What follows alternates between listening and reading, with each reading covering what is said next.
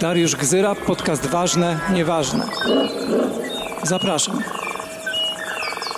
Dzień dobry, ja się nazywam Dariusz Gzyra i to jest pierwszy odcinek mojego autorskiego podcastu. Od razu mówię, że oczywiście, że jestem trochę zestresowany, pomimo, że no jakoś tam się wypowiadam publicznie pewnie od dwóch dziesięcioleci, no ale no nie w tej formie. Oczywiście nigdy nie miałem własnego podcastu i oto jest. Co to znaczy w ogóle, że to jest autorski podcast i będzie autorskim podcastem? To znaczy, że jak będziecie kogoś mieli za miar bić za to, co zostało powiedziane, to oczywiście będę to ja, jestem jedynym winnym, jedynym odpowiedzialnym. No ale też jeśli coś będzie do pochwalenia, no to też w jakimś sensie to jest moje, więc proszę mnie klepać później po obu ramionach i w ogóle dawać jakieś lajki, serduszko i cokolwiek tam socmedia podpowiadają jako nagrodę. To ja bardzo bym prosił. Jestem jedynym odpowiedzialnym i to też w tym sensie będzie autorskie, że będę trochę też mówił o sobie, jakieś wtręty osobiste będą. Dzisiaj zresztą zobaczycie, że tak e, będzie. No tak sobie pomyślałem, że skoro to jest autorskie, no to czemu nie mówić trochę o sobie? Bo ta kultura trochę nas zmusza do tego, żeby, żeby mówić też o sobie, szczególnie ta socmedialna, prawda? No, to tak. I w ogóle będą dwie części dzisiaj. Tak sobie pomyślałem, że przetestuję, jako że w ogóle testuję oczywiście formułę podcastów, nic nie wiem, co się będzie podobało, co będzie was rajcowało, mówiąc kolokwialnie, i mnie rajcowało. Więc e, no, dwie części. W pierwszej części będzie trochę o książkach różnych, kilku, które wydają mi się świetne, ważne i potrzebne, a w drugiej części mamy niezwykłą gościnę, profesor Jannę Henderek, która e, zajmie nas rozmową w drugiej części. No, gdybyście mieli jakiekolwiek uwagi do tego, co się tutaj będzie działo przez najbliższą mniej więcej godzinę, mm, no to proszę pisać, prawda? Możecie pisać na profilu Krytyki Politycznej, której bardzo dziękuję w ogóle za to, że zechciała uruchomić ten podcast i że będę mógł korzystać również z kanałów komunikacji, które posiada krytyka. Możecie pisać na profilach krytyki w socmediach, możecie pisać na moim fanpage'u facebook.com y, ukośnik Boże, Dariusz Gzyra. nie bez Boże. Okej, okay, jak piszecie moje imię i nazwisko, to wyskoczy ten fanpage. No dobra, tyle tytułem wstępu. Więc, więc części pierwsza o mm, książkach. I to od razu mówię, to są książki, które wybrałem spośród wielu, y, które się ukazują w kontekście relacji człowieka z innymi zwierzętami, bo tymi relacjami głównie się będę zajmował. I pierwsza z nich y, to jest książka Piotra Krupińskiego. Jeśli nie znacie Piotra Krupińskiego, to żałujcie, bo to jest postać y, niezwykła historyk literatury, krytyk literacki, zresztą profesor już chyba Uniwersytetu Szczecińskiego, w ogóle dyrektor Instytutu Literatury i Nowych Mediów, więc e, no, taka postać. Mm, redaktor też pisma Narracje o Zagładzie, którego pewnie nie znacie, ale to jest bardzo ciekawe pismo. Oczywiście zajmuje się niezwykle trudną tematyką, mm, taką dojmującą tematyką, ale numer trzeci tego czasopisma Narracja o Zagładzie, który miał kilkaset stron, mniej nie więcej, z 2017 roku. To był numer monograficzny zatytułowany Zwierzęta, e, ukośnik Zagłada. No wyobraźcie sobie cały numer monograficzny poświęcony tej tematyce, coś niesamowitego zupełnie. Zresztą Krupiński w 2016 roku wydał też książkę o przepięknym tytule. W ogóle wydaje mi się, że możemy nawet konkurować z tytułem mojej książki, e, jeśli chodzi o przepiękność tytułów, mianowicie Dlaczego gęsi krzyczały? Zwierzęta i zagłada w literaturze polskiej XX-XXI wieku. Dwie bardzo ciekawe pozycje. No ale teraz o czymś innym. O książce, która jest w zapowiedziach wydawnictwa Instytutu Badań Literackich PAN i będzie nosić tytuł Co się śni zwierzętom? Eseje z pogranicza, eseje z pogranicza zoofilologii i psychoanalizy. I teraz o tej y, książce słów kilka. Mianowicie Anita Jarzyna, z kolei Anita Jarzynę też powinniście, to jest w ogóle obowiązkowe, żeby wiedzieć, kim jest Anita Jarzyna, ponieważ ona wydała niesamowitą książkę Postkoine studia o nieantropocentrycznych językach poetyckich. To książka, która kilka lat temu została mm, wydana. I Anita Jarzyna otwiera w ogóle ten numer narracji o zagładzie swoim tekstem poza imaginarium o miejscu zwierząt w narracjach o zagładzie i zagłady w narracjach o zwierzętach. I ona pisze tak, słuchajcie, nie bez powodu studia nad zwierzętami chętnie określa się w analogii do studiów nad zagładą. Także jako badania poruszające tematy równie kontrowersyjne, społecznie nieobojętne i uwaga, to jest takie określenie, które mi pasuje do Janny Heinderek, niegabinetowe. Że to jest niegabinetowe, wymagające szczególnej czujności. Dla obu kierunków, pisze Jarzyna, wspólne, niejako założycielskie jest podobne doświadczenie nieobecności lub pewnego rodzaju niewidzialności Żydów i zwierząt ukrytych w kliszach językowych, czy stereotypowych wyobrażeniach. Ja o tym cały czas mówię, żeby dać y, tło dla tego, kim jest Krupiński, że takimi rzeczami się zajmuje, takie rzeczy wydaje. I chociaż w tej nowej książce tak ciężkich tematów chyba nie będzie, bo w opisie mm, książce, książki Co się śni, śni zwierzętom czytamy tak. W najnowszej książce Krupiński oddala się od ekstremalnych obrazów przemocy i masowego mordu, lecz nadal zajmuje go ludzko-zwierzęca wspólnota losu. Wspólnota losu, podoba mi się. Zwierzęco-ludzkie dzielenie bólu i cierpienia, Kropiński nie oprowadza nas tym razem po literackim zwierzęcu, ani nie tropi w piśmie animalnych śladów, lecz zatrzymuje uwagę na pojedynczych obrazach, motywach, symbolach czy frazach dotyczących zwierząt. I dalej zwierzęce motywy czy figury traktuje jak psychoanalityk. I tutaj to jest to określenie, które mnie zabiło. Archaiczny wróżbita zarazem. Szczeciński filolog stosuje tu metodę mikrologa, permanentnie skupionego na tym, co małe i błahe z pozoru. I tu znowu mi się moja lampka zapala. Małe i błahe z pozoru, które staramy się zrobić ważnym i o którym się dyskutuje. To jest chyba to, co będę chciał robić w tych podcastach. I dalej o Krupińskim. Dlatego preferuje niewielkie formy literackie, głównie opowiadania, szczególnie pociągają go teksty pisane na boku. No, czy zachęciłem? Mam nadzieję. To się zaraz ukaże w wydawnictwie Instytutu mm, Badań Literackich. Pan, co się śni zwierzętom? Pod takim hasłem możecie szukać w Google'ach. I ważna, i tu właśnie to są te, te trendy biograficzne, które chcę robić. Miałem trochę e, kontaktu z Piotrem Krupińskim swego czasu, dlatego że mm, spotykaliśmy się na jakichś konferencjach, trochę zdań wymienialiśmy, później ja miałem pisać coś do tej, tego czasopisma narracji o zagładzie. Oczywiście miałem wtedy akurat szczyt y, niemożliwości pisania, więc nie napisałem, ale pamiętam, że wysłałem mu w prezencie, wiedząc, że zajmuje się tą tematyką, egzemplarz archiwalnego czasopisma. To archiwalne czasopismo to, był tak, to była taka gazeta wydawana nie wiem czy w Warszawie, czy w ogóle w wielu miastach, która nosiła tytuł Metro. I ta gazeta to był taki, e, taki dziennik, taka gazeta codzienna rozdawana ludziom na ulicach. Później się ją czytało, nie wiem, w oczekiwaniu na środki transportu albo w środkach transportu. W każdym razie przy okazji, nic wielkiego, po prostu gazeta. I kiedy zrobiliśmy w 2004 roku, dziadek Darek będzie opowiadał teraz o starych czasach, więc kiedy zrobiliśmy w 2004 roku w Buwie, e, w uniwersyteckiej Uniwersyteckiej Bibliotece przy Dobrej w Warszawie wystawę Holokaust na Twoim talerzu. Taką wystawę zrobiliśmy wtedy. To pamiętam, że zacięło się bardzo dużo mediów, było bardzo tu, dużo dyskusji później w mediach na ten temat i cała pierwsza strona tej gazety Metro była poświęcona e, problemowi Holokaustu i wykluczenia eksploatacji zwierząt. I to było zupełnie niesamowite, ponieważ ja widziałem, pamiętam ludzi mm, czytających o tym, jadących tramwajem, autobusem. To było niezwykłe zupełnie. E, też odważne ze strony Metro jako gazety, ale pamiętam w ogóle ten moment, e, ponieważ byłem odpowiedzialny za tłumaczenie, dlaczego taka wystawa jest e, ważna. Byłem jednym z organizatorów. No więc tak, takie mam wątki z Piotrem Krupińskim. Zachęcam. Co się śni zwierzętom. Inna książka, o której szybciutko chciałem powiedzieć i która też ma troszkę związku z, z, tym, co ja robiłem, to jest książka Krzysztofa Łapińskiego. I znów musicie wiedzieć, kim jest Krzysztof Łapiński. To jest znów niezwykły człowiek, filozof z Zakładu Historii Filozofii Starożytnej, średniowiecznej UW. Zresztą możecie go znać, e, bo jest tłumaczy, autorem tłumaczenia Marka Aureliusza, między innymi no, badacz, bardzo ważny badacz. To jest też dziennikarzem naukowym i oprócz tego, że pisał mm, książki stricte naukowe, to w pewnym momencie zaczął pisać też książki dla dzieci. Co sobie myślicie pewnie, Boże, będzie nam opowiadał o książkach dla dzieci. No tak, ponieważ mm, my musimy nauczyć się chyba trochę obchodzić system edukacji i znajdować własne mm, sposoby e, samoedukacji, prawda? W związku z tym, że mamy czarnikizm i pewnie się z niego nie będziemy przez jakiś czas, musimy umieć się samoedukować, edukować własne dzieci również poza systemem edukacji. No i książki tutaj są oczywiście nieodzowne, więc Krzysztof Łapiński napisał taką, która będzie mogła być w ten sposób wykorzystana, nazywa się Świnia Malwina. O, Świnia Malwina to jest druga część w zasadzie książki Dzik Dzikus. Dzik Dzikus to jest taka książka, która dostała nawet jakąś nagrodę ważną. W ogóle jest przepiękną książką, zarówno Dzikus i Świnia Malwina, bo ma piękne ilustracje Marty Karczewskiej, Kurczewskiej, przepraszam. Z opisu tej książki, posłuchajcie. Krzysztof Łapiński powraca z nowymi przygodami dzika dzikusa i jego przyjaciół z Lasu Kabackiego, może dzieje się w lesie podwarszawskim. Dzik dzikus nie spodziewał się, że wiosna przyniesie tyle przygód. Pewnego dnia w lesie kabackim pojawia się tajemnicza postać, a wraz z nią ważne sprawy.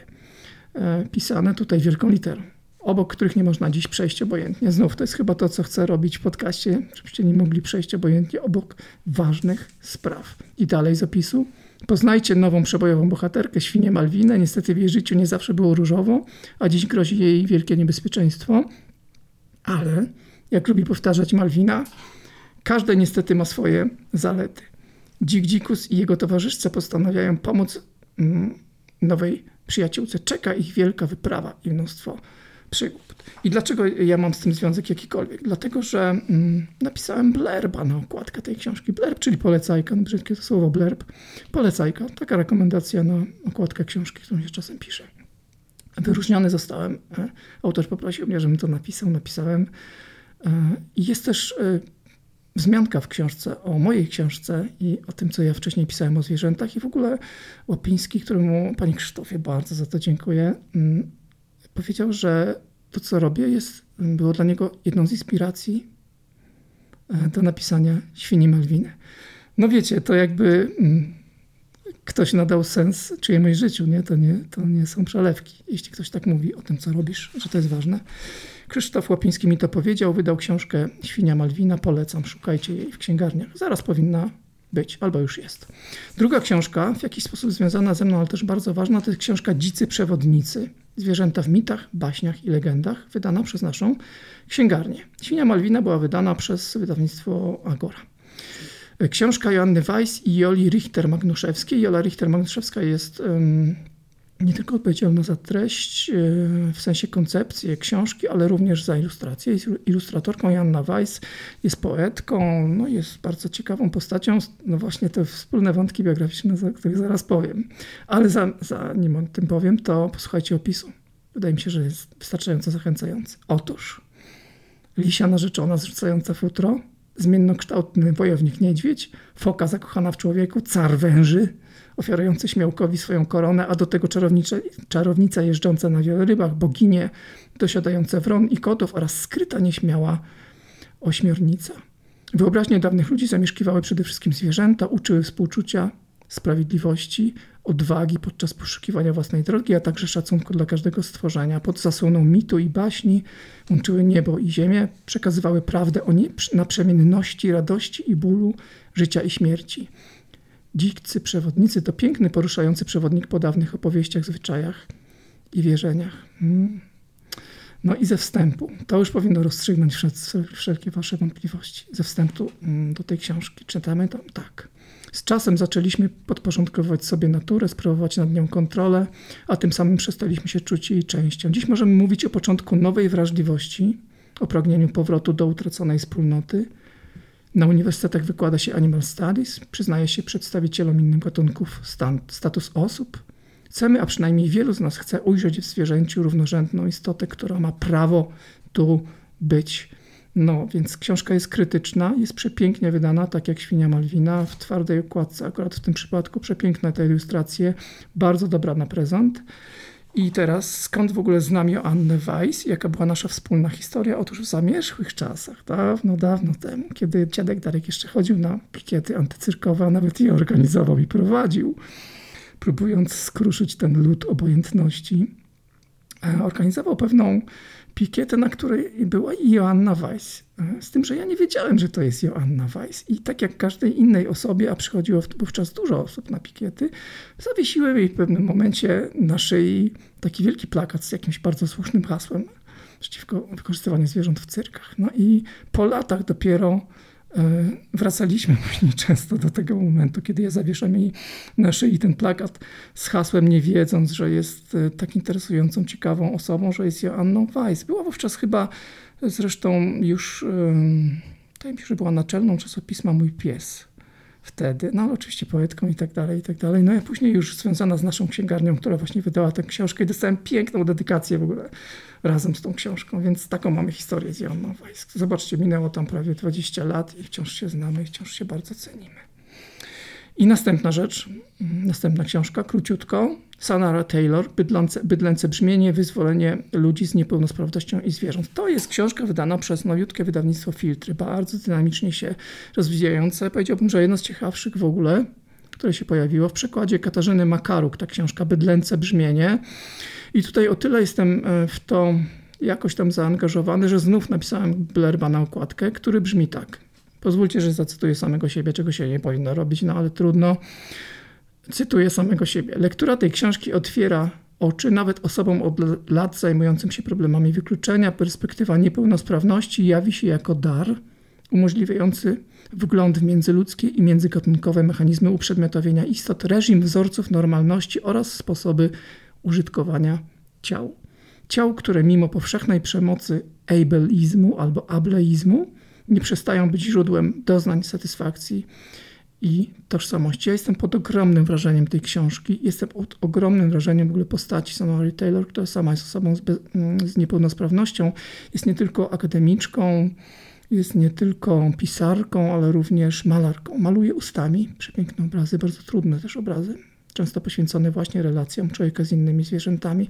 I powiem Wam, że miałem kontakt z Sonorą Taylor. Było to w roku 2015, kiedy byłem redaktorem pewnego numeru czasopisma Magazyn Sztuki, to jest czasopismo związane z Akademią Sztuki w Szczecinie. Robiłem jako redaktor numer monograficzny Zwierzę, którym jestem. I wymarzyłem sobie wówczas, Sonora Taylor nie napisała jeszcze wtedy swojej książki, że przetłumaczę jeden z jej artykułów i zrobiłem to, poprosiłem ją o zgodę, zgodziła się, jest ten artykuł, zaświadczając o zwierzętach, obrazy i polityka widzenia. No i cały czas czekałem na to, aż w Polsce ta książka będzie wydana i jest bydlęce brzmienie Wyzwolenie ludzi z niepełnosprawnością i zwierząt. Coś, czego jeszcze nie czytaliście. Naprawdę bardzo ciekawa rzecz, obowiązkowa w ogóle bez dyskusji. Następna rzecz i ostatnia to jest Ewa Meyer. Zwierzęta mówią w stronę demokracji międzygatunkowej. Wydawnictwo Drzazgi, też bardzo ciekawe, w przekładzie Miłosza Biedrzyckiego, Aleksandry Małeckiej. Zwierzęta mówią w stronę demokracji międzygatunkowej. No oczywiście znacie Ewę Meyer. Yy, filozofkę, między innymi z książki Języki Zwierząt, prawda? To jest książka wydana w wydawnictwach Marginesy, w wydawnictwie Marginesy w 2021. Tam też pisałem blerba, ale już go nie będę czytał, bo to już bym chyba przesadził. W każdym razie Meyer, to nie jest pierwsza książka Meyer wydana w Polsce, ale to jest naprawdę niezwykła. Zobaczcie opis. Orangutany uciekają z ogrodów zoologicznych, gęsi walczą o przestrzeń wokół holenderskiego lotniska, słonice wykorzystywane w cyrkach stawiają opór treserom, jakżeż to jest polityczne, jak mi się to podoba. Konie zaprzęgowe odmawiają pracy i dalej. Zwierzęta są nie tylko czującymi istotami, ale uwaga, do których stosują się zasady moralne, to także aktorzy polityczni, którzy przejawiają sprawczość, protestują, wyrażają swoje opinie, oczekiwania, pragnienia, wywierając tym samym wpływ na rzeczywistość społeczną. Zobaczcie, ile osób myśli tak o zwierzętach, że to są jednostki, które wywierają wpływ na kształt społeczeństwa, wspólnoty, w której mieszkamy. Zawsze się o nich myśli, o takiej sprawczości, prawda? I dalej z opisu. Tymczasem pozbawione praw i przywilejów, jakimi w antropocentrycznych wspólnotach cieszą się tylko ludzie, są wyzyskiwane i uprzedmiotawiane. Ewa Majer twierdzi, że najwyższy czas na rewolucję. E, miłe to słowo rewolucja, chociaż nie wierzę, żeby mogła nastąpić. I podpowiada jak można ją przeprowadzić. To, że podpowiada, jak można ją przeprowadzić, jest tu kluczowe, dlatego że ta książka wpisuje się tak zwany animal turn, zwrot polityczny w myśleniu o zwierzętach, kiedy już nie dyskutujemy o tym, czy zwierzęta mają status moralny, jak go zbudować, na jakiej podstawie, jak go uzasadnić etycznie, filozoficznie, tylko zastanawiamy się, co z tego, jeśli przyjmiemy perspektywę zwierzęcia i uznamy, że ma prawa, które powinniśmy szanować, co z tego wynika dla systemu politycznego, dla ustroju, dla instytucji w państwie, dla tego, jak zorganizowane jest społeczeństwo. O tym jest ta książka. Stronę demokracji międzygatunkowej i fragment Ewy Meyer. Lekceważąc sprawczość zwierząt pozaludzkich, umacnia się ich obraz jako niemych, przeciwstawia się je podmiotom ludzkim, czego efektem jest legitymizacja antropocentryzmu i niesprawiedliwych stosunków władzy. W konsekwencji możemy mieć także do czynienia z często spotykaną w obszarze prozwierzęcego aktywizmu sytuacją, w której w imieniu innych zwierząt głos zabierają ludzie. Niesie to ze sobą niebezpieczeństwo przesłonięcia punktu widzenia tych pierwszych, zarówno w praktyce aktywizmu, jak i w odniesieniu do celów, do których dążymy. No na tym polega właśnie problem z ruchem prozwierzęcym, że to jest mm, ruch, który mówi w imieniu wykluczonych, i często nadużywa swojego głosu. Też nie wie, jak e, dokładnie mm, przenieść do życia społecznego mm, potrzeby, interesy, emocje, uczucia, wartość życia tych, których broni. Ponieważ nie umiemy tego do końca robić. I próbujemy, oczywiście staramy się to robić jak najlepiej, ale Meyer mówi, to nie zawsze się udaje. Często to jest nasza po prostu opowieść, nasze wyobrażenie o tym, jak relacje powinny wyglądać. Tymczasem Meyer zawsze tutaj w swojej książce to jest ekstremalnie ciekawe, mówi, ale przecież moment, moment, moment. Zanim zaczniemy kombinować, to najpierw musimy wysłuchać ich samych co te gęsi mają do powiedzenia tam na holenderskim, przy okazji problemów z, z holenderskim lotniskiem, co mają do powiedzenia zwierzęta, prawda? Zresztą no, ta wcześniejsza książka o językach zwierząt też jest trochę o tym, tak, że mają język, że wyrażają potrzeby, że mówią o sobie, mówią też o nas w jakiś sposób. No, Ewa Meyer, zwierzęta mówią w stronę demokracji międzygatunkowej. To tak samo jak Sonara Taylor i Bydlęce brzmienie są po prostu dwie obowiązkowe lektury. W ogóle jak, te, jak tego nie przeczytacie, to się obraże. Koniec pierwszej części, koniec o książkach. No i teraz, Joanno, przepraszam cię bardzo, że musiałaś tak długo słuchać tych moich wynurzeń na temat książek, ale naprawdę są rewelacyjne. Te książki są tak cholernie ważne. Witam cię. Witam serdecznie. E, I nie, nie czekałam długo, ja po prostu chłonęłam te cudowne słowa. Janna Henderek, filozofka, e, specjalizująca się w filozofii kultury, profesorka Uniwersytetu Jagiellońskiego, no to wiesz, nie jest byle co. Iluż jest tych profesorów Uniwersytetu Jagiellońskiego, no to jest elitarna pozycja społeczna. Z której bardzo wiele wynika, będę o to pytał. E, publicystka, blogerka, masz blog, prowadzisz potrafisz pisać, bardzo dużo piszesz, takim językiem, który da się czytać. To też jest y, widoczne w książce, którą przyniosłaś, o której zaraz powiemy. Działaczka społeczna, działaczka polityczna. W ogóle taka osoba, która ma tyle, wie, tyle różnych aktywności, że w zasadzie zawstydza. Tak? Bo mnie to no, na pewno zawstydza e, aktywnością. Ciągle coś robisz. Jedną z rzeczy, mm, które mi się z tobą bardzo kojarzą, są bardzo ciekawe potrzebne społecznie, no to jest ten cykl konferencji Kultura Wykluczenia. I tu powiem znowu wątek biograficzny, mogę? Odrobinę? Oj, mów, mów. Nie, bo tak chcę powiedzieć, że się znamy jakiś czas, dlatego że no, pewnie się niektórzy zastanawiają, dlaczego my to od razu na ty jestem. Ja, dlaczego ja tak wysoko skaczę i mówię e, do Janny Hendryk, no, e, bez pani, pani, bez pani tu w tym przypadku. Otóż e, spotkaliśmy się pierwszy raz chyba w 2014 roku. Wtedy się tak trochę otarliśmy o siebie, nie specjalnie mm. rozmawiając. Ja miałem wtedy na twojej konferencji mm, referat od Rajdera do Martera ewolucja pojęcia szowinizmu gatunkowego. Tam był akurat to, to, było dobre. To było, wiesz co, w ramach wykluczenia społeczno-ekonomicznego, mm. o tym wtedy mówiliśmy. I pamiętam, że myślałem, ciekawe, czy przyjmą ten referat, nie? Bo tutaj, wiesz, wykluczenie społeczno-ekonomiczne, to gdzie zwierzęta, nie? Jakby się nie... Ale przyjęliście. Ale tak naprawdę poznaliśmy się w 2018 roku po wydaniu mojej książki Dziękuję za świńskie oczy. Rozmawialiśmy, mm. pamiętam, w Warszawie z Andrzejem Dominiczakiem, wówczas chyba dla Racjonalista TV, TV, TV mm. czy TV właśnie o kwestiach relacji między, międzyludzkich. No. To jest ciągle moja książka numer jeden. Po prostu dziękuję za świńskie oczy. To jest pozycja, która otwiera oczy ludzkie.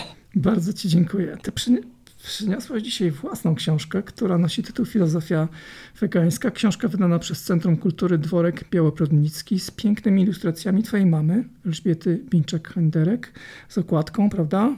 Tak, I grafikami. I w środku grafiki. Tak, no ja powiedziałbym tak, że to jest taka książka, e, książka ogród, tak bym powiedział. Nie wiem, czy to ci pasuje takie określenie, ale wiesz, nie taki ogród e, barokowy, francuski, że z góry jak patrzysz na niego, to taki przycięty, równy z żywopłotami i takie labirynty, gdzie się można trochę skaleczyć o te żywopłoty, wszystkie równe i zrobione przez człowieka, tylko to jest taki ogród, ogród myśli, nie? że one się tam, no pnącza się pną, korzenie się zakorzeniają, to wszystko się tam splata ze sobą, tworzą się takie samoorganizujące się porządki, trochę się można w tym zgubić, później gdzieś wychodzisz i widzisz jakieś niezwykłe połączenie jakichś elementów, takie coś, co wciąga w taki bardzo specyficzny, właśnie taki powiedziałbym naturalny sposób. To naturalny mówię oczywiście, tutaj stawiam cudzysłów, nie? Dlatego też, że ta książka jest pisana zupełnie nieakademickim językiem i to jest wielka zaleta, no bo ja mówię, to filozofia, Uniwersytet Jagielloński, tutaj profesorka, ale pisze takim językiem, który da się czytać, nie? Że to jest jak rozmowa w zasadzie, nie jak wykład. Bo y, ja w ogóle jestem antysystemowa. Niegabinetowa. Niegabinetowa. E, zresztą wspomniana przez ciebie kultura wykluczenia już w tej chwili jest e, takim programem społeczno-filozoficzno-naukowo-aktywistycznym. Tam się po prostu dużo dzieje. I tą książkę specjalnie właśnie pisałam antysystemowo, antyprogramowo, antygabinetowo. Zresztą właśnie nie w gabinecie, tylko gdzieś w ogrodzie z kotem na kolanach. No dużo się działo. Mm, I te wszystkie kłącza to są takie też pytania, bo wydaje mi się, że dlatego tytuł filozofia. Filozofia to zdziwienie nad światem, a ja się ciągle dziwię, bo w sumie nawet jak cię słuchałam, to przecież tyle lat, tylu wspaniałych działaczy i działaczek nas uświadamia, mówi nam, kim są zwierzęta, jaka, jaka jest struktura środowiska. Wiemy, jak bardzo jesteśmy takim, no to jak Szwajcer mówił, życiem pośród życia a ciągle myślimy hierarchicznie, właśnie ciągle w tych systemowych e, naszych e, sposobach patrzenia na świat e, myślimy tak bardzo uprzedmiotawiająco. I zwierzęta, tak samo zresztą jak matka Gaja, przez to nasze takie zimne spojrzenie, przez to wykluczenie tego ogrodu zwierząt pozaludzkich, umiera. Umiera na naszych oczach. Kryzys klimatyczny trwa a my w najlepsze udajemy, że nic się nie dzieje, że my da, nadal jesteśmy kimś, kto ma prawo, kto może, komu się należy. Cały czas tej swojej pozycji bronimy. I ta moja książka chyba z tego wy, wynika. Ona, ja tu nie kryję, jest gdzieś bardzo mocno osadzona na tym, co ty robisz. E, ja trochę idę nawet przez drzwi, które e, otwierasz w swojej i filozofii, w swoim działaniu, w swoim aktywizmie, czy idę, prawda, za innymi myślicielami, myślicielkami. Tutaj nie, nie kryję, że na przykład Carol Adams jest dla mnie bardzo ważna, w ogóle cały ten nurt ekofeminizmu, który też jest taki antygabinetowy. Mhm Natomiast to, co jest najważniejsze, to taka próba spojrzenia na świat jako na sieć. Bo o tej sieciowości oczywiście wielu myślicieli mówiło, ale myśmy chyba ciągle tej nie przerobili najważniejszej e, lekcji że jesteśmy takim systemem naczyń powiązanych i przecież jesteśmy zwierzęciem. Człowiek ciągle traktuje się nie jak zwierzę, tylko jako kogoś wyjątkowego w tej hierarchii bytu, w takich nawet powiedziałabym średniowiecznych kategoriach ciągle królujemy. I to nas zabija. To jest, to jest ten wielki Oby tylko problem. Nas. Wiesz, my współistniejemy. Nas nie? My nie świat. istniejemy, tak, nas świat, tak, tak. My współistniejemy, prawda? Że to jest, że mm, to jest oczywiście cały czas ta sama rozmowa o tym, że liberalny podmiot się rozpadł i że nie jesteśmy osobni i samostanowiący się i i po prostu nie jesteśmy wyspami, tylko jesteśmy e, uwikłani w społeczność, w świat w ogóle. I sami też jesteśmy przecież wspólnotą międzygatunkową. No spójrzmy na mm, zawartość naszych kiszek i nasz, y, nasze bakterie, które nas współtworzą. My nie jesteśmy jednogatunkowi. Gdyby nam odebrać te liczne gatunki różnych bakterii, to byśmy po prostu nie przeżyli. To, to nie jest żaden mistycyzm, to jest 300 prosta biologia. Jesteśmy organizmami międzygatunkowymi. Jesteśmy Ale nawet więcej, bo zobacz, przecież my jesteśmy istotą stadną, potrzebujemy drugiego. Ale bardzo często jest tak, że ten drugi to nie jest przedstawiciel czy przedstawicielka naszego gatunku. Kiedyś bardzo się śmiano ze starych panien, które miały kota. E, natomiast e, jak przyjrzymy się tym relacjom człowiek e, i zwierzę pozaludzkie, to to są czasami bardzo intensywne relacje i my tak naprawdę bez właśnie tego drugiego, który nieważne teraz jakiego gatunku jest przedstawicielem czy, czy przedstawicielką, nie funkcjonujemy.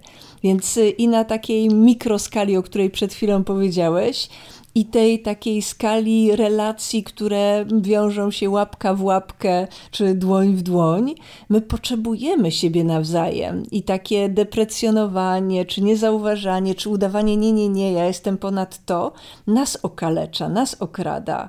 I my jesteśmy takimi trochę sierotami momentami, prawda? Bo udajemy, że jesteśmy samowystarczalni. Nie jesteśmy samowystarczalni. Nie mhm. jesteśmy najważniejsi w świecie. Mhm. Wiesz co, zawsze chciałem cię zapytać, jeszcze wracając do kultury wykluczenia, dlaczego tam postawiłaś znak zapytania? Bo w nazwie tej kultury wykluczenia jest znak zapytania. To znaczy masz wątpliwości, że żyjemy w kulturze, która wyklucza? Bo ja nie mam żadnych.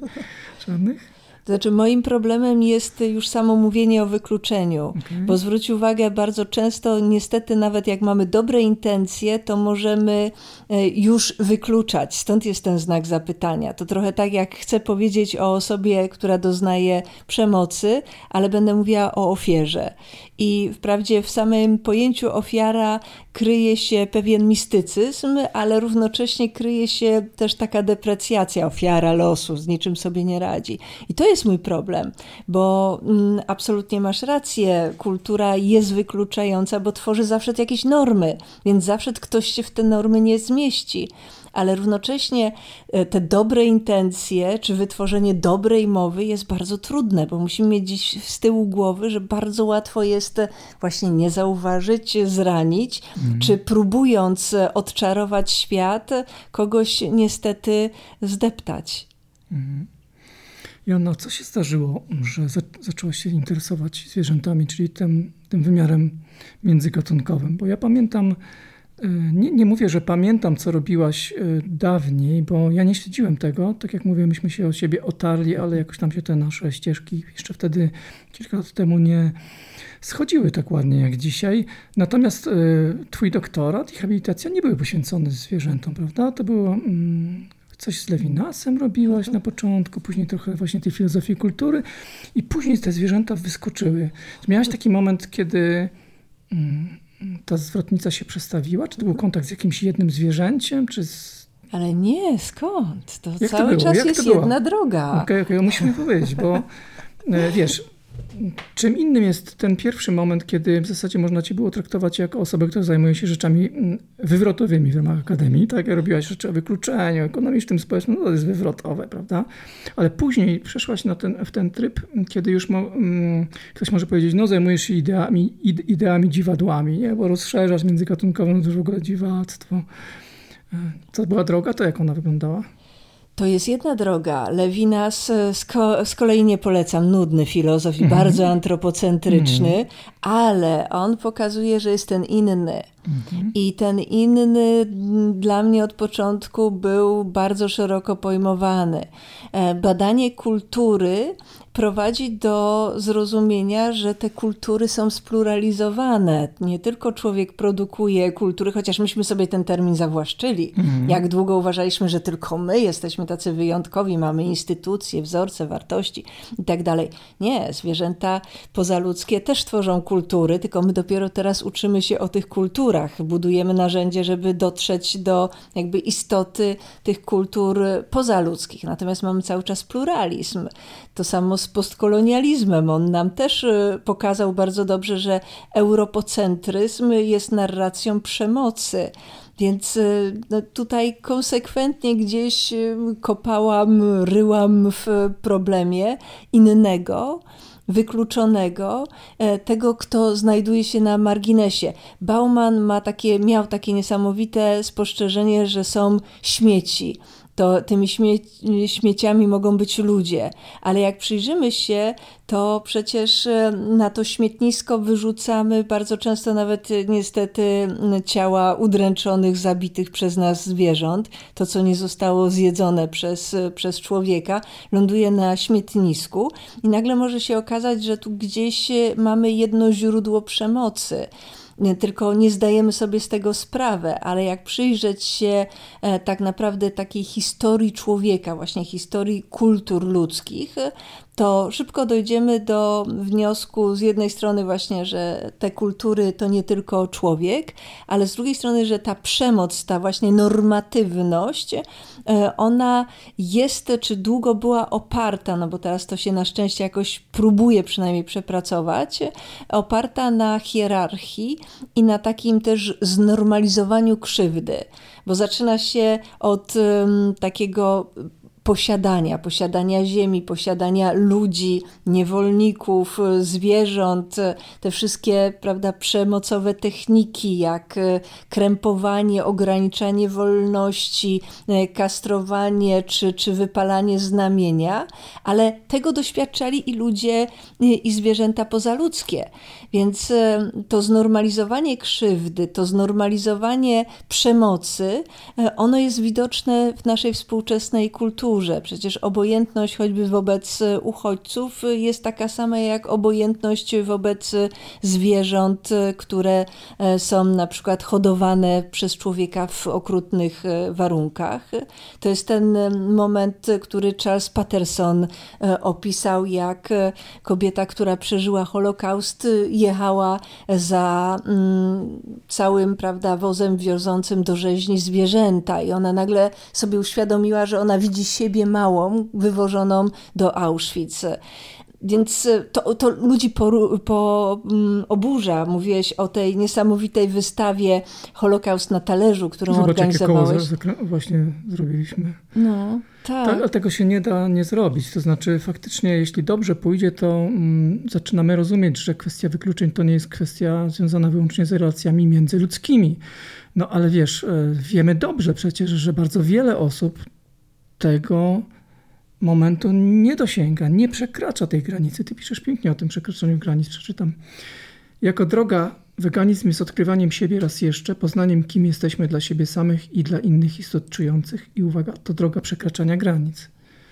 Najpierw wychowania, kultury, gatunku, wcześniejszej niewrażliwości czy zamknięcia w sferze określonych symboli. W ten sposób staje się rozszerzeniem naszych możliwości, ale chyba sama też, prawda, przeszłaś ten moment przekroczenia granicy.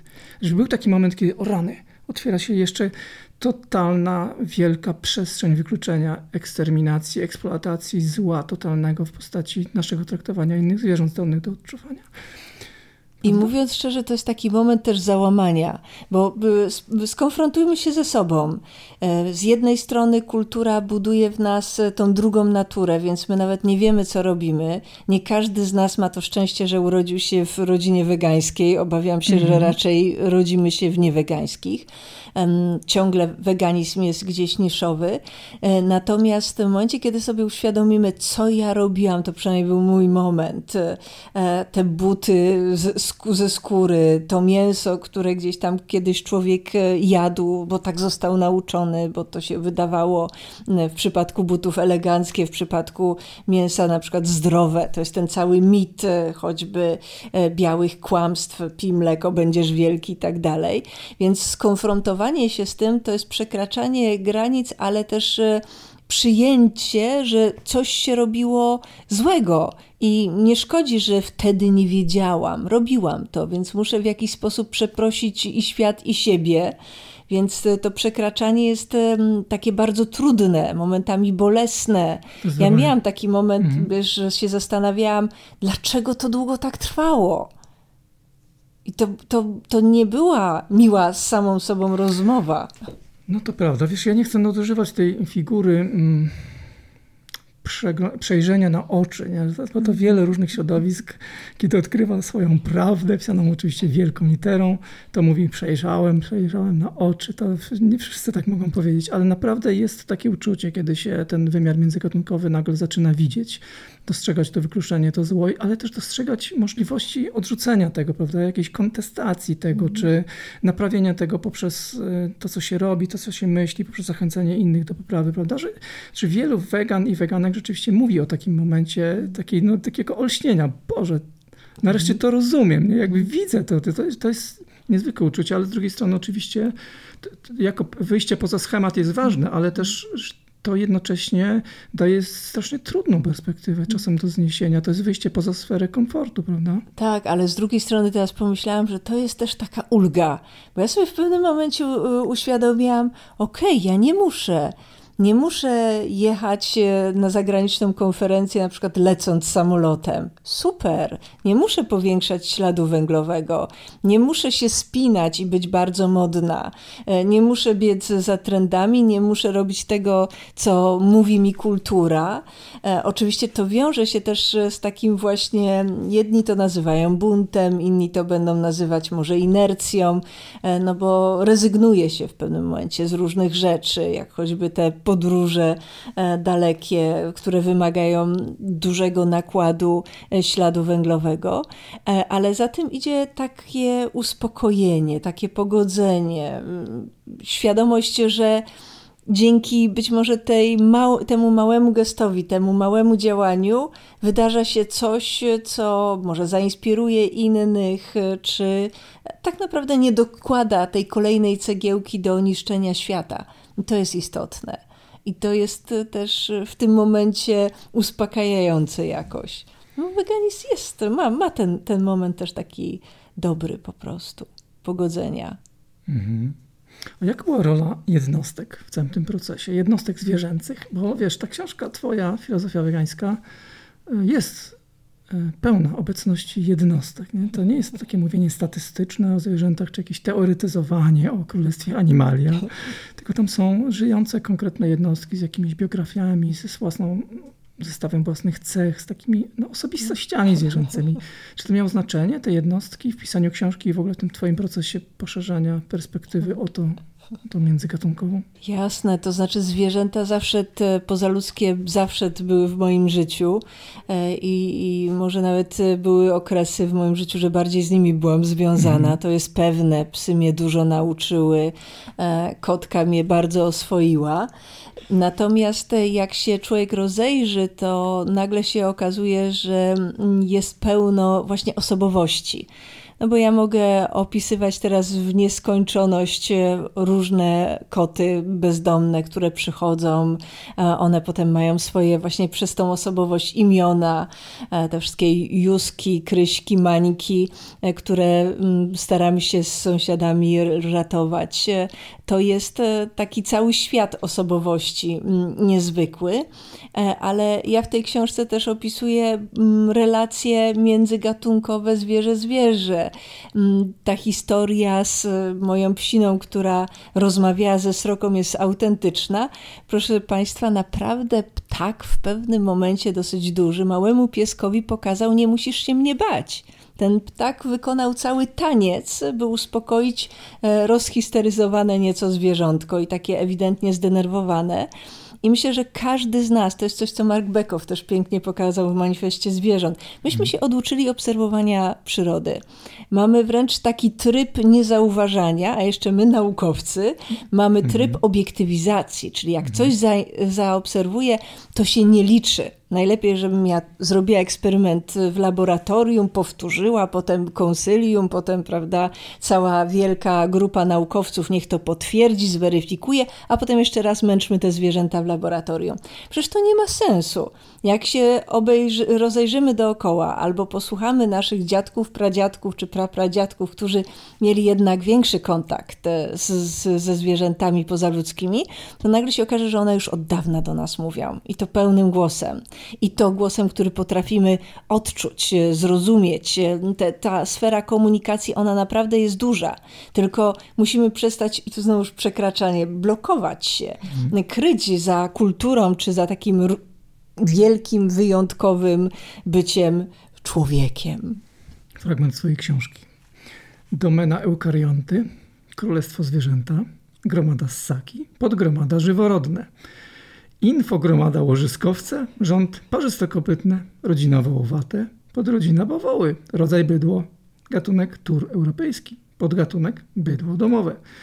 Ojej, gdzie się podziała nasza mućka, gdzie krowa, o którą walczą aktywiści i aktywistki. Weganki i weganie na całym świecie nie piją ani mleka krowiego, ani nie jedzą sera, kefirów czy jogurtów, masła, nie wspominając o nieużywaniu rzeczy codziennego użytku zrobionych ze skóry zamordowanej krowy i jej dziecka. Gdzie ta nasza krowa się podziała? To trochę o tym, nie? że ten taki chłodny, e, systematyczny opis e, świata, w którym się żyje, nie jest jedynym. On jest ważny, pewnie potrzebny w jakimś tam stopniu, w niektórych obszarach, ale on oczywiście nie wyczerpuje złożoności fenomenu, o którym ale mówimy. z drugiej strony też kamufluje pewne rzeczy, no, bo dokładnie. tam jest i królestwo, i rodzina. Tak, tak. To mnie zawsze wzrusza, że ten język nauki jest taki dwuznaczny. Okay.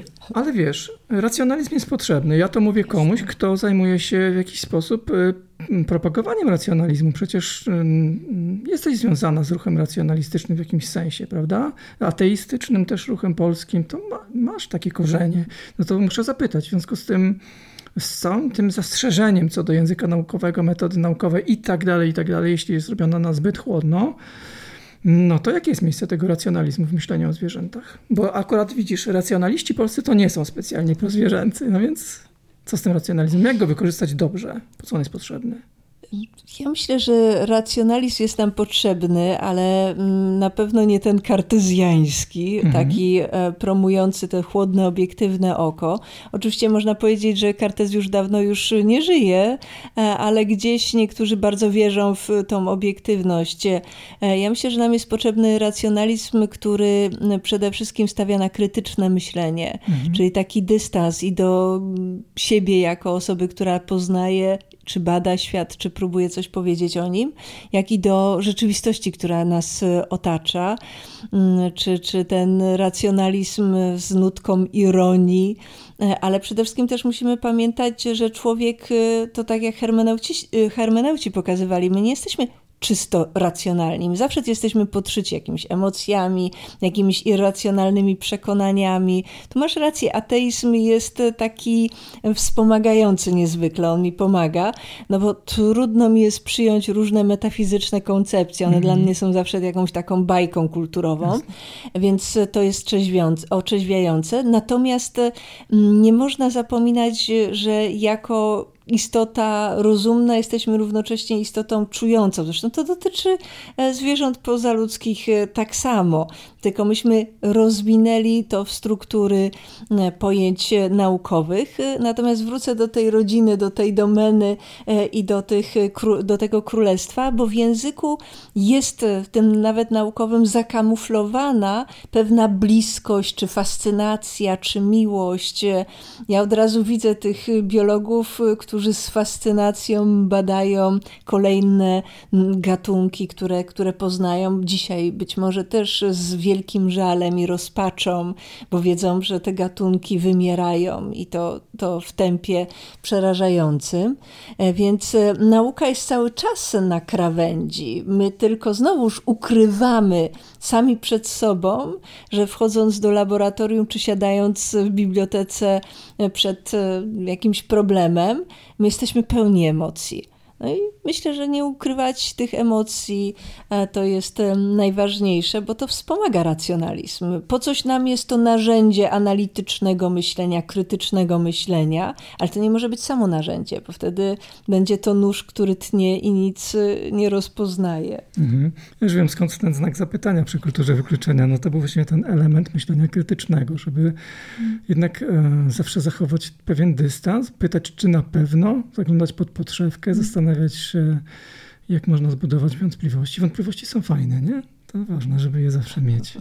Wątpliwości wobec wszystkiego, również wobec weganizmu. Ja na przykład bardzo pielęgnuję swoje wega, y, wegańskie wątpliwości. Jak je mam, to się im bardzo bacznie przyglądam, bo to są ciekawsze momenty tego weganizmu, ponieważ wszystko pozostałe wydaje mi się oczywiste, już tak oswojone, że szczerze mówiąc to dla mnie jest mało interesujące. Myśleć o tym po raz enty przez te wszystkie lata. Natomiast wątpliwości jak się pojawiają, to zawsze bacznie się im przyglądam. Ale to nie o tym chciałem mówić, o czymś innym. Słuchaj, bo tak, mm, Uniwersytet Jagielloński, mm, profesura, mm, nauka, czasopisma recenzowane, jakieś tam publikacje, habilitacja, doktorat, coś tam, coś tam. E, ak akademizm, prawda? Jaka jest rola akademi akademików w tym procesie zmiany społecznej? Bo widzisz, ja, wydaje mi się, że jest ogromna, to jest moja odpowiedź. I wydaje mi się, że dzieje się coś y, ciekawego teraz w tym polskim akademizmie. I żeby to udowodnić, chcę Ci pokazać taką listę tytułów prac magisterskich i licencjackich wyłącznie z Twojego uniwersytetu i wyłącznie z dwóch ostatnich lat. Zobacz, co się dzieje. Tytuły prac licencjackich i magisterskich. Weganie ideowi kontra weganie pragmatycznie. Dwa oblicza weganizmu etycznego, Wydział Filozoficzny, magisterka, rok 2020. Językowe strategie prezentowania weganizmu w serwisie YouTube. Licencjat 2020, Wydział Polonistyki. Weganizm jako styl życia, motywacje, praktyki, zróżnicowanie. Licencjat. Wydział Historyczny. Weganizm na YouTube znowu, Wydział Zarządzania i Komunikacji Społecznej, rok 2019. Wizerunek krakowskich wegan w kontekście weganizacji miasta. Magisterka, Rok 2019. Wydział Studiów Międzynarodowych i Politycznych. Vegan Washing jako strategia komunikacyjna w reklamach żywności w Polsce. Wydział Zarządzania i Komunikacji Społecznej 2021. Jeszcze następna Vegan Washing jako przykład manipulacji w promocji. Znów Wydział Zarządzania. Dalej. Sposoby wyrażania stosunku wobec wegan i wegetarian na portalu Facebook. Wydział Polonistyki. Zeszły rok. W zasadzie 2020. I ostatnie. Weganizm a styl życia. Motywacje klientów wegańskich obiektów gastronomicznych w Krakowie licencjat 219, Wydział Stosunków Studiów Międzynarodowych i Politycznych. Wiesz, no, coś się dzieje. Co się dzieje? Czy możesz powiedzieć, czy rzeczywiście się coś dzieje? Jaka byłaby rola akademików takich jak ty?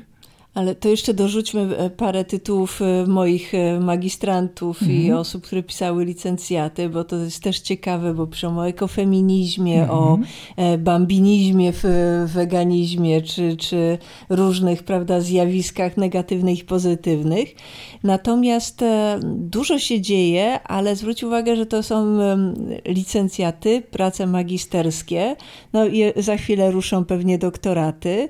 To jest to młode pokolenie, to mhm. są ci ludzie, którzy byli na, na ulicy, protestowali jako, jako nastolatkowie tu się dzieje rzeczywiście niesamowita mm, zmiana pokoleniowa, bo dla nich e, to już nie jest jakaś długa droga dojścia, to nie jest jakieś poszukiwanie, tylko wielu tych ludzi ma po prostu zieloną świadomość i zielone myślenie o świecie i potrafią też krytycznie spojrzeć na różne wegańskie ruchy.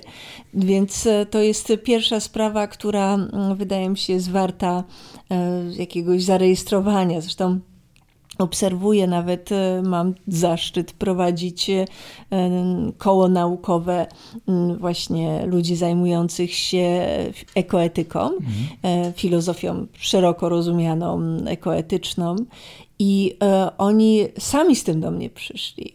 Oni sami wymyślili sobie, że chcą się zajmować e, tematami związanymi z dobrostanem zwierząt, z weganizmem czy z klimatem. Mają niezwykłą właśnie świadomość, już ogromną też wiedzę. Naprawdę ogromny potencjał.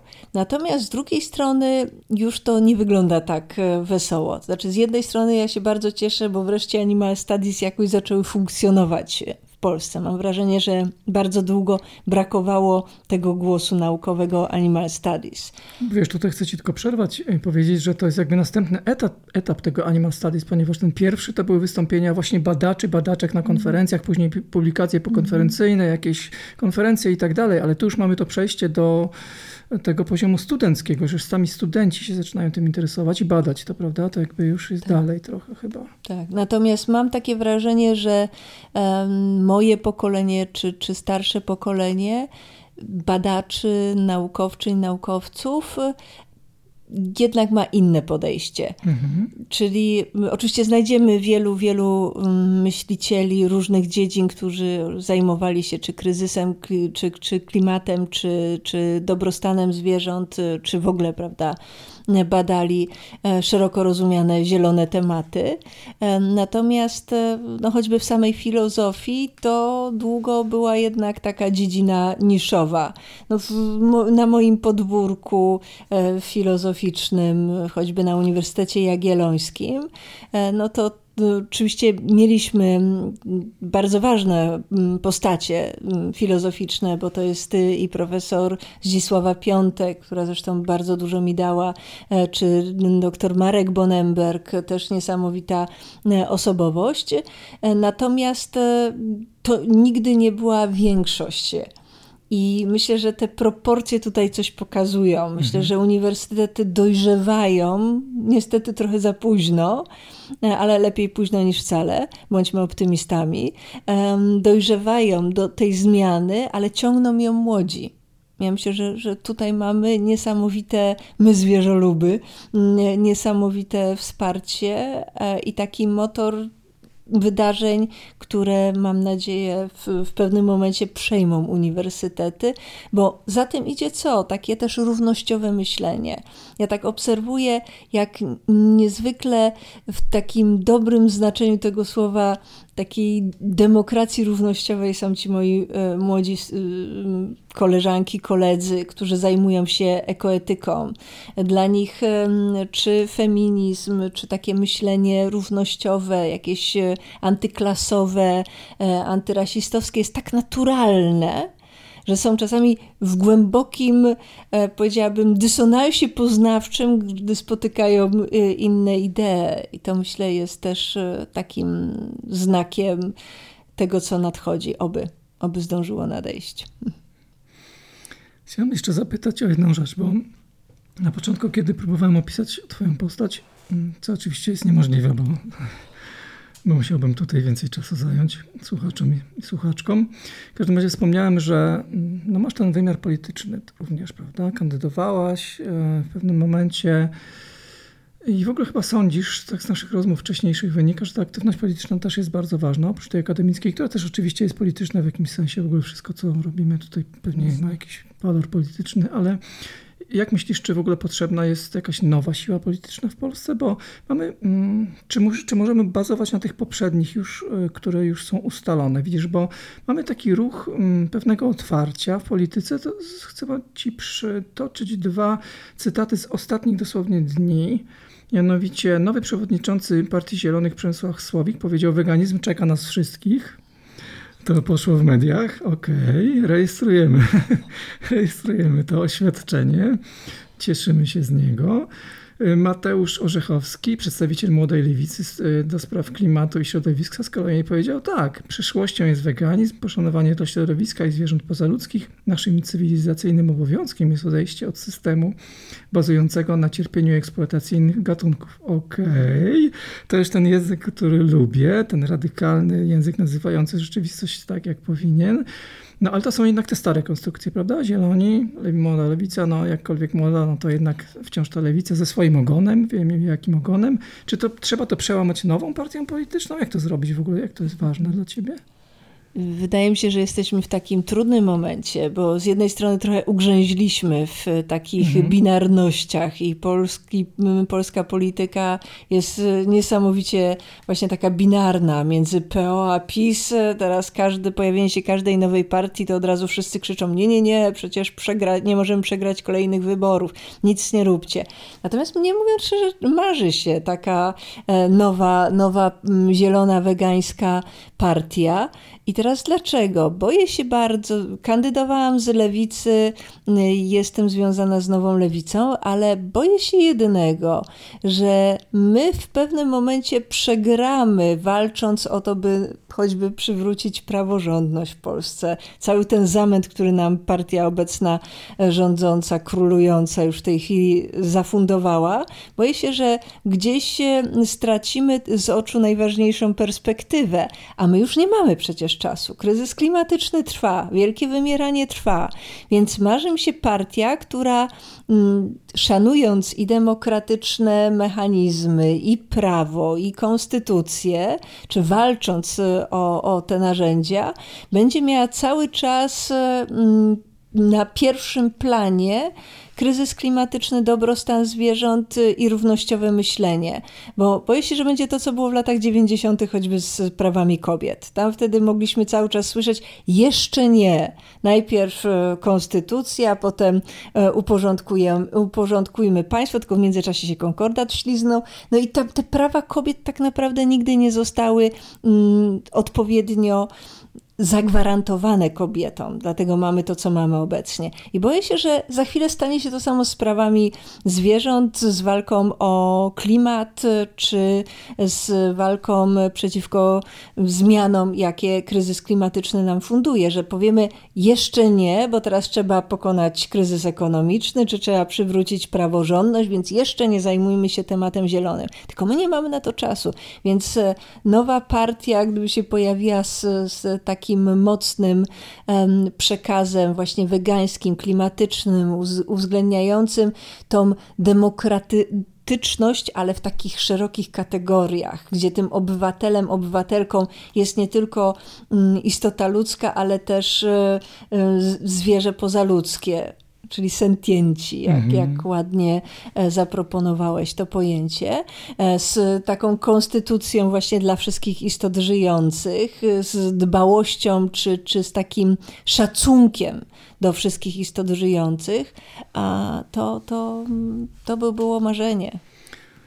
E, trochę mi to mm, przypomina też to, co mówi Sylwia Spurek, politycznie, europosłanka Sylwia Spurek o konieczności jakiegoś nowego środowiska. Są takie pomysły na tą partię. Tak mi się wydaje, że to pewnie nie jest jeszcze moment mm, na to, żeby ta partia zdobyła władzę, bo to nawet e, inne partie opozycyjne o znacznie bardziej mm, takim mainstreamowym przekazie politycznym nie są tej, tej władzy w stanie zdobyć. Natomiast być może to nie jest jedyna nie jest jedyna rola i funkcja partii e, przejąć władzę. Może też jest taka rola po prostu kultura twórcza, prawda? Hmm. Jakby organizująca pewne środowisko.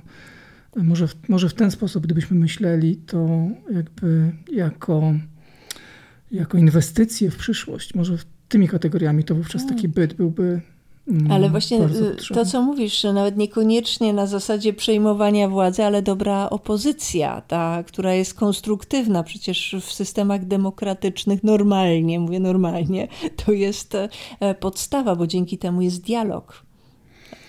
Tak, i też chyba wiele osób odczuwa coś, co nazwałem samotnością polityczną, w takim sensie, że wiele osób, które działa mm, na rzecz dobra zwierząt pozaludzkich, nie ma własnej reprezentacji politycznej i czuje to bardzo boleśnie. Jakby nie ma na kogo głosować, te postaci znane z życia politycznego nie spełniają standardów naprawdę.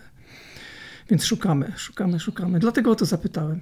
Joanno, mm, bardzo Ci dziękuję za tą rozmowę. Kończy nam się powolutku czas. Chciałem Ci też podziękować za to, że w swojej książce Filozofia Wegańska, przypominam, Taki nosi tytuł. Y, są jakieś wzmianki o mojej skromnej osobie i o mojej książce. W takim momencie, kiedy piszesz książkę, które zmieniają wszystko, wymieniłaś tę moją książkę. Bardzo Ci za to dziękuję. Jak wiesz, to dla mnie bardzo dużo znaczy. Także dzięki. No najpięk... Powtórzę raz jeszcze. Dziękuję za Świńskie Oczy, lektura numer jeden.